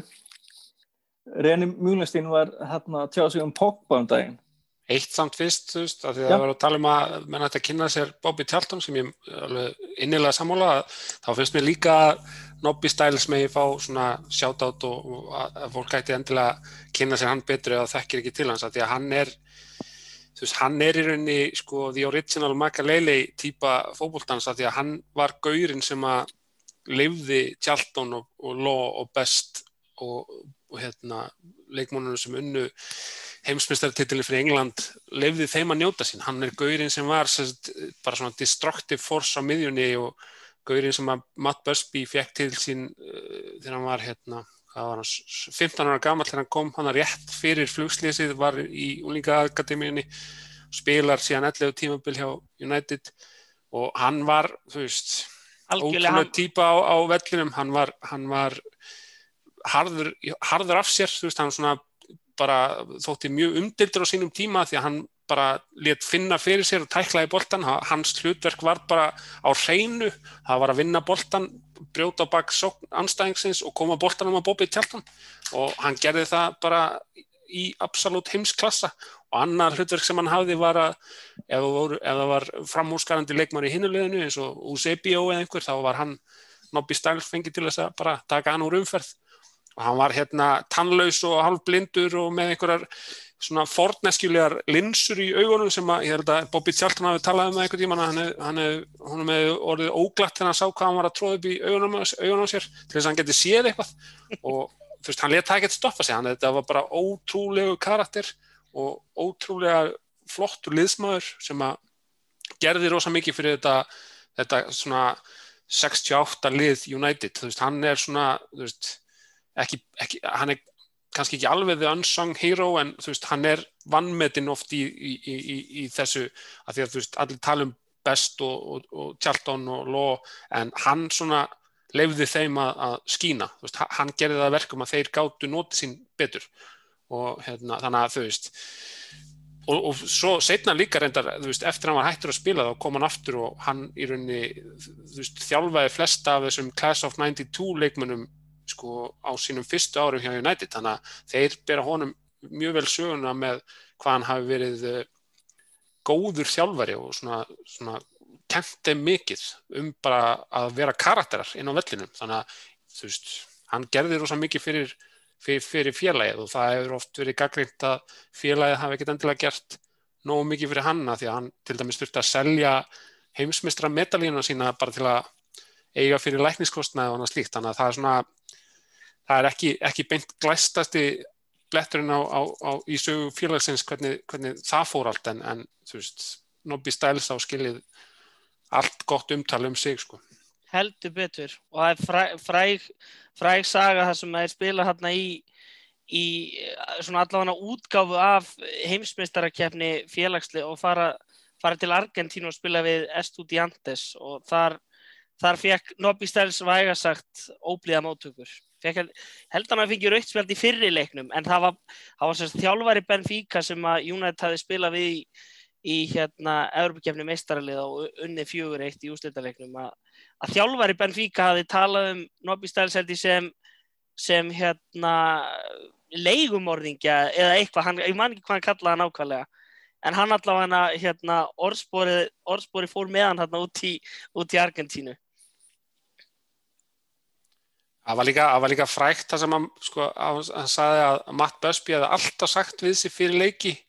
það var að hérna, er þið láttu að vita af þér á fyrstu fimm mínútunum og það var ekki, átti ekki að vera vinaleg kveðja sko. Þau eru ekki að tala bara um klassísku Vinnie Jones tæklinguna strax eftir miðju Það er, spurning hvort að Vinnie Jones hafi ekki verið leikskóla útgáðan af Nobby Styles bara.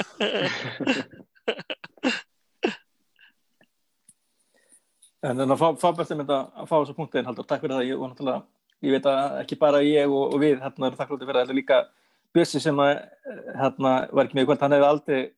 lefð mér að komast upp með að gleyma að tala um Nobby Styles. Og ég held að við vitum það báðir. En hérna, en að næsta umræðefni, hérna Múlinstein var í viðtali og var að tjá sig um Paul Pogba. Og hann vil meina að vinna ekki nóg og, sé ekki, spila ekki nógu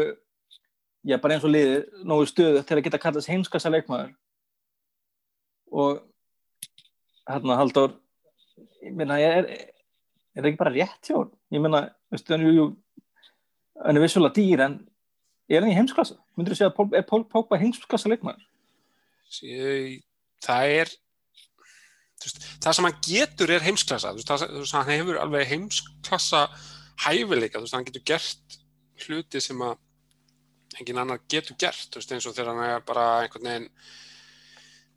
veist, þegar hann er á deginu sínum og, og, og tekur yfir leiki þá, veist, þá er hann frábær í því. En það er bara, hann er svona veist, hann, hann þarf einhvern með sér sem er meiri leiðtögi og það er, þú veist ég veit ekki hvort það sé endilega hægt að, þú veist, sumir eru bara ekki meiri leiðtóðar en þeir eru. En það er þá veist, spurning hvort það sé að ætlast til þess að þeir verði það eða hvort það sé að finna leiðtóð í liðinu. Og þá er spurning, er þá ennþá pláss fyrir Pól Pogba eða ekki af því að þú veist, ef þú ert með Pól Pogba í liðinu og þú hefur aðra þú veist, þú hefur lið sem getur sett Pól Pogba í að þá, þá gefur hann hluti sem engin annar getur gert. Þú veist, eins og þú sérð bara veist, hann er ekki veist, hann er frábær með franska landsliðinu. Veist, hann er frábær ef að liðið er frábært þá er hann, þá er hann að bæta það lið, alveg klálega en hann er, hann er ekki leikmaðurinn sem að bara einn og sér getur dreigið vagnin, þú veist, þannig að en, veist, heimsklassa nei, ætli það, því að þú veist, ég meina ef maður, maður, maður vill nota orðið heimsklassa um bara rjóman, alveg absolutt rjóman, þá er hann ekki þar, veist, hann er ekki, þá, þá myndum maður ætlast til þess að væri leikmenn sem að oftar gætu bara tekið yfir leiki þegar að væri ekkert í gangi, þú veist, gætu oftar fengið aðra með sér í kringum sig, þú veist, maður svona myndi gera það kröfu á að leikmaður sem er í heimsklassa gæti gert það, gæti svona haf, sett, sett meira uh, mark á leiki þar sem að, hérna, þar sem að þarf á því að halda. Þannig að, nei, já, ég, ég hugsa þú veist, þetta er mjög gott viðtal þetta er, veist, í, hérna, þetta er á YouTube þar sem hann var bara í raun að tala um leikin og hann og Tony Adams og einhver, einhver fjölmjölamæður og hérna, þetta var alveg fínasta spjalla því að hann var, hann var í raun ekki veist, þessum er þetta klassiska hrauna yfir Pogba því að veist, það er mjög mikið af af gaggrinni á Pogba sem er óverðskulduð en þetta var í raun ekki, veist, hann var ekki að meina þetta sem eitthvað svona að hraun yfir hann, hann var bara að tala um þetta var bara það sem hann sá bara, þetta er það sem hann myndi greina á æfinga, æfingasvæðinu og það er meira í þessu sem að, hann var að segja og ég mæla alveg með að fólk kíkja á þetta á, á YouTube að því að hann, þetta, veist, það er erfitt að andmæla þessu eitthvað, sko, þetta er þetta var vel raukstu til honum, sko. Nei, þetta var ekki greið um svona sem hrauna eða, verið með eitthvað svona hot. Nei, rauninni alls bara- ekki meira bara svona að svona greina og í rauninni, þetta var ekki sett fram heldur í eitthvað svona ag aggressíft. Þetta er bara, Nei, þú veist, þetta var, bara þetta var, að þetta var ekki sama uh, fyrirsögnin eins og það hefur verið gerð úr, hefur, eins og hefur verið gert úr þessu. Þannig að þú veist, mér fannst þetta alveg bara góði punktar hjá honum en, en veist, það er alveg sagt að, að veist, heimsklassa eða ekki, þú getur verið í heimsklassa þú getur verið góður en þú þarft samt að vinna af þau buksutnar sko, þú þarft að sérstaklega hjá liðin og United að því að þú veist það er alveg sama hversu hæfileika ríkar leikmenn við höfum séð hjá liðinu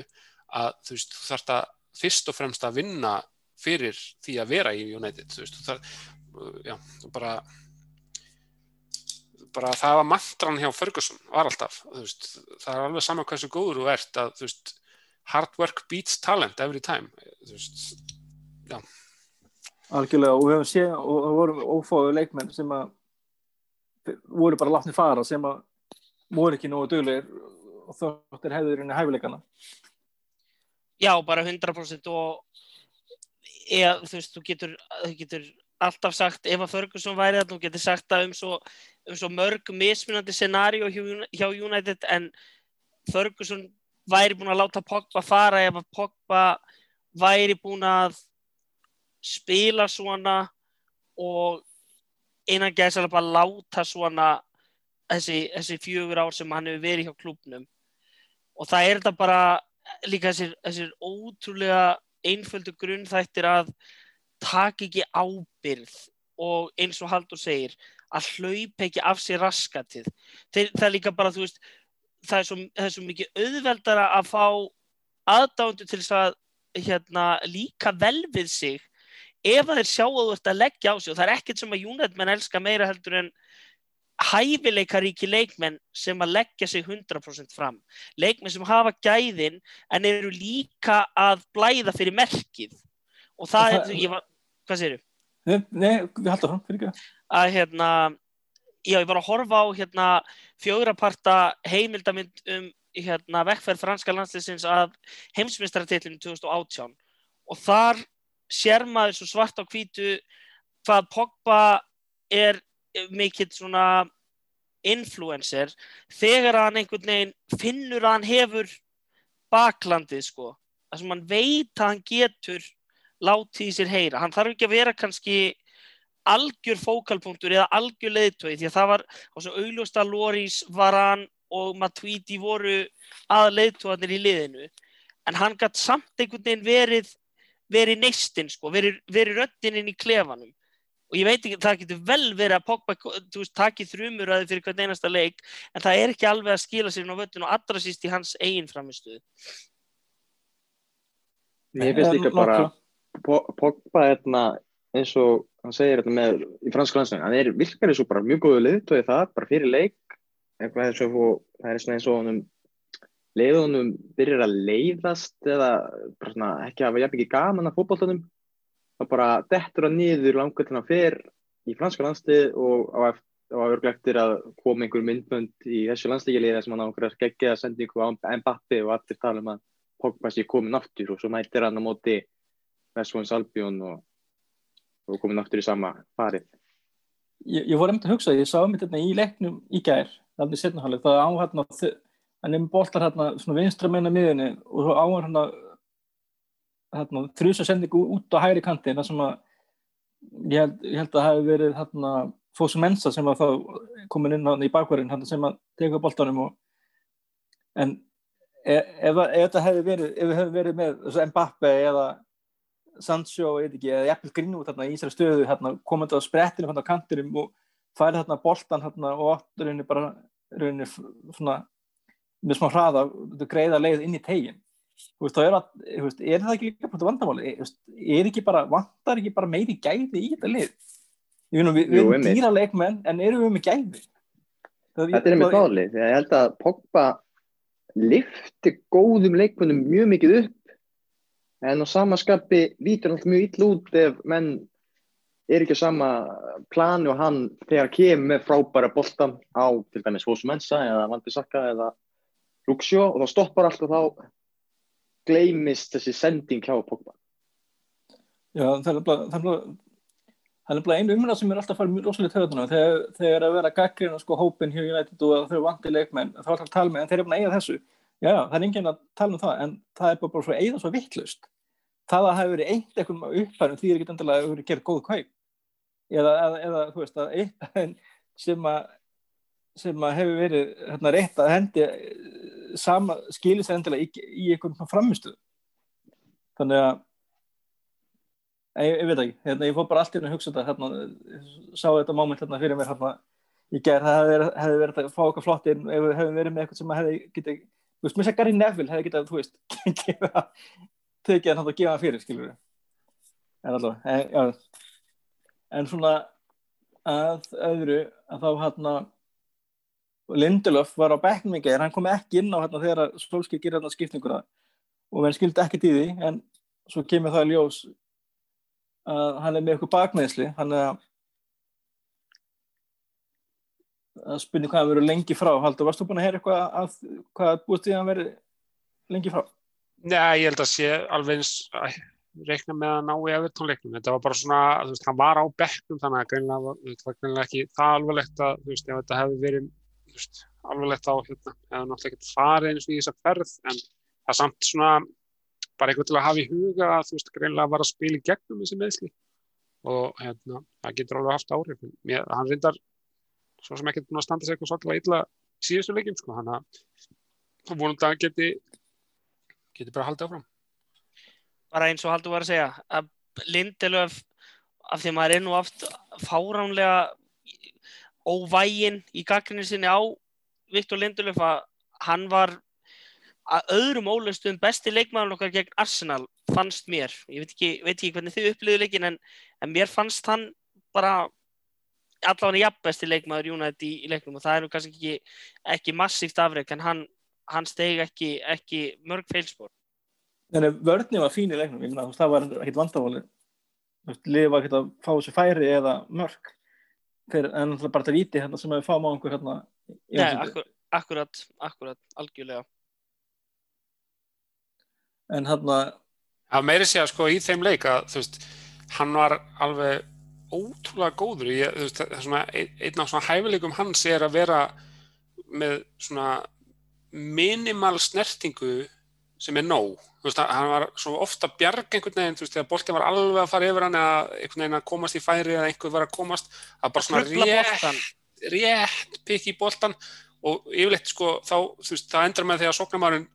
þú veist dundrar honum upp í rauð setu eða þú veist, setu boltan í, þú veist, þannig að United fær boltana því að þú veist, þeir svona setja hann í hotn eða eitthvað. Og mér er að eitt skipti þá, hérna, þá held ég hann hafi var, blokkaði skotið eitthvað en að því þetta var svo svona lámar snerting þá, þá fengum við markspinn út í þannig að hann, þú veist, ég veit ekki þetta, þetta er að gerast það ofta, ég held að þetta get ekki verið tilvíðin en hann allan að já, allan að búin að eiga mjög gott svona hann er búin að góður svona undarfæri góður í því, sko, já, já, algjörlega. Alg, algjörlega og, og bara bara ef við nefnum hann í samanbyrði við Maguire sem er náttúrulega vorkun af því að hann lendi náttúrulega í fáránlegu vesendi hérna í Gríklandi í sumar að, að hérna þá hefur Lindelöf litið betur út heldur en Maguire á þessu tímubili að mínum að því og það er eiginlega hægt að nefna Axel í, í sömu andra af því að hann hefur náttúrulega bara spilað náttúrulega frábælega í þessum PSG-leik en svo er hann bara tekin út af á, í háluleik á móti Basaksýr þannig að Þannig að Lindelöf svona að öðrum mólustum er sennilega bara búin að vera okkar besti miður á þessar leiktíð. Já, það, það er, ég held að það sé ekki dveitlust, en hann nú, já, það er bara rétt held ég. En svo er, fór í gang slúður og, og haldur minn, hérna það er góðkunningi okkar, Mauricio Pochettino sem er enn og aftur verið að tala um.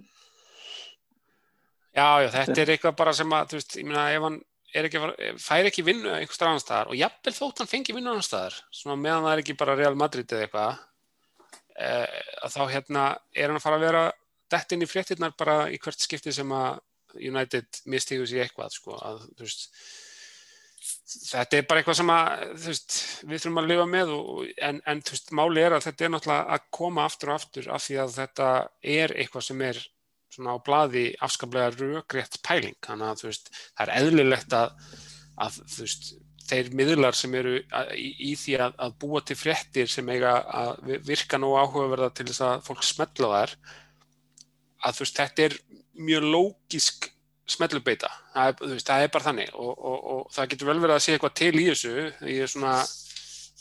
maður veit ekki en þú veist maður finnst ekkert ólíklegt að það hefði eitthvað verið svona bara kannad hvernig landið lægi með þetta allt en, en að þeir séu kannski tilbúinu með hann veit ég ekki alveg með en það er bara svona spurning hvað þyrti til til þess að þeir færu í alvörun að hugsa um það. Og þá er þú veist hann og, og hann er svo sem ekki eini en hann er svona kannski sá sem likur beinast við að síðan næsti maður inn. Þannig að hérna hann nána spauð sig fram í starfið hérna lágum daginn, hann var hérna komin í hérna Montanet fútból hjá Sky Já, já, hann er öruglega með, það var eins og það var alltaf að tala um hérna þegar Mourinho var að koma sér inn í eitthvað, hann er öruglega með möppu sem hann getur sendið með nákvæmlega greiningum og hvað, mynd, hvað hann myndi gera og svona. En svo náttúrulega líka, það sem hann líka ítur undir þetta er að veist, leikmenn eins og Martial og, og hérna Van de Beek og, og Bruno Fernandes er allt leikmenn sem hann hefur verið orðaður við og hann var að reyna að fá til tóttinam. Þannig að, og svo líka þessi Suður Amerikutenging, þetta er náttúrulega allt saman, ef þú ert að þræða saman samsærukenningu þá, þá er þetta alltaf fallið í hendunar á þér, þannig að veist, þetta, er, þetta er mjög djúsi samsæriskenning og, og eitthvað sem að margir myndi vilja sjá gerast. Það er bara spurning hvað, hérna, hvað sé til í þessu, en þú veist, svo kom á skæja að Solskjær væri vist ennþá, hef, hefði ennþá tröstið og, og við vitum allir að það er bara meittlaði stein þegar einhver segir að, að hérna, knastmyndum stjóri hafi traust Já, stjórnum. og, og, og Og- þeir, þeir hafa aldrei með styrnuna í kjálfæri vote, vote of confidence í, í fútbólmanager er bara sama og þú fara eitt leiki stöðugt. viðbót og svo ertu reikin það er bara svoleiðis en, en það er einmitt málið að sko ef að við töpum á Gútisson og erum með hvað sjö stig eftir sjö leiki að þá þú veist þá eru svo mörg, það, það er að taka svo mörg dæmi um önnur stórlið þar sem að það væri bara ófyrirgefanlegt og þú væri bara látin flakka sérstaklega því að tímasetningin er fullkomin að því leitinu til að það er að koma landsleikja hlýja og þú getur þá eh, tekið þessi, þessi þjálfarskipti í, í leiðinni sko. en, en ég hef ekki trú á því að, að það verði, verði tekið í, í gikkin en, en þetta það fyrir að, hitna undir sólsér ef, ef hann réttir ekki úr gótnum í deildinni. Nei, og svo náttúrulega hérna, næstu helgi þá náttúrulega Evertón og Evertón er búið að tapa núna hvað þreim leikjum í röð. Þau voru hérna svaka siglingu gera svo jafntöfli við Liverpool og hafa svo tapað þreim í röð. Þannig að og við náttúrulega erum í svona svipari sem við erum að tapa tveim í röð þannig að þetta eru lið sem þurfa bæðir svona bánsa tilbaka og hérna og hann, hann, hann þóstöðn okkar hann hittar upp fyrir leikin og tekur skýrslu þannig að hann er ekki með okkur í kvöld en, en svona, svona gangi bara svona aðeins á línuna við hverju búist þið við á lögatan eru að fara eru að fara að sjá tígulin eða eru að fara að sjá 4-2-3 reitn eða þeir hefist ólega að fara í 4-3-3 bara svo ég byrja, byrja þér Daniel. Um, ég vona, það er kannski meiri óskækja heldur en, heldur en hitt að hérna, hann fari bara í þetta sem við vorum að tala um, fari bara í 4-3-3 og það, það virðist vera kerfi sem að sóknarmennir okkar, okkar virðist líða best í. Og um, þrátt fyrir að Fred sé búin að spila vel undanfarið og sérstaklega í mestaradeildinni að þá myndi ég þá myndi ég treysta á Matic ég myndi treysta á Matic Pogba miðuna og Bruno fyrir framann og svo þessa, þessa hérna sóknarlínu sem við höfum er, er Marcial ennþá í banni hann ég held, er þetta ekki þriðja leikurinn Haldur? Nei, hann er, hann er komin úr, hann Hann sangat allan á húskort og fleirum þá á hann að vera til í þennan leik sko. Já, akkurat, akkurat. Þá er ég bara, þá ætla ég bara að segja, segja að línan verði, verði þessi þrýðningur Bruno, Rashford vinstra megin, Martial Já, upp á topp, Greenwood út í er hægra rétt, megin. hann- hann færi einmitt raukt á móti Tottenham svo í leikinda eftir það er Newcastle, Chelsea og svo Arsenal Þannig, jú, Akkurat. hann er, Mís skemmtilegi leikir. Já, væga sagt. En Lukas, eru, eru ekki bara þetta sömu línu og Daniel eða ertu með eitthvað, eitthvað annað sem við sjá? Já, ég, ég vona eh, að þetta við förum í 4-3-3 en ég held að hann fari samt í 4-2-3-1 hvað er það það muni virka? Ég veit það, ég er eins og eins og sögðu, er ekkert með að vera svakalega góður önni veit ég hvort er Richarlison sé með Nei, ég er, veit ekki hvort hann sé með og svo náttúrulega er Hann er í banni. Ham, hann er í Hames banni. þarna búin að vera eitthvað mittur og það ekki veist, þær eru ekki búin að spila kannski á sterkustu mönnum, en ég veit ekki alveg hvort, hvernig staðan er því, þannig að við bara þurfum að fá mörgulega að sjá það bara í uppbytinu hjá Steina þarna sem að kemur setni partin á morgun föstak, þannig að Já, nákvæmlega. En ég vonaði fyrir mig 4-3-3 bara sem fyrst og en ég eins og svo ofta þá er ég spenntur fyrir þessu leiki en það bara kemur í ljós hvort ég verði jafn spenntur eftir leik. það er nefnilega málið. Og þá er náttúrulega þá hérna kemur ljós hva, hvað við þurfum, ef við töfum svo leik og þá er ég ansi hrættur um að þurfum að fara í ansi ítalega álökun og sólsker umræði í næsta hætti og hérna þannig bara, við verðum það bak við erað og undirbúum undirbúum einhverja það, undir það andlega en hérna þátturinn er kannski ekki lengri í þetta skipti en hérna ég þakka ykkur kellaði fyrir samveruna Það var takk, takk. og við Takk, takk. verðum með ykkur eftir viku Já, Takk. takk kærlega fyrir. Takk. Takk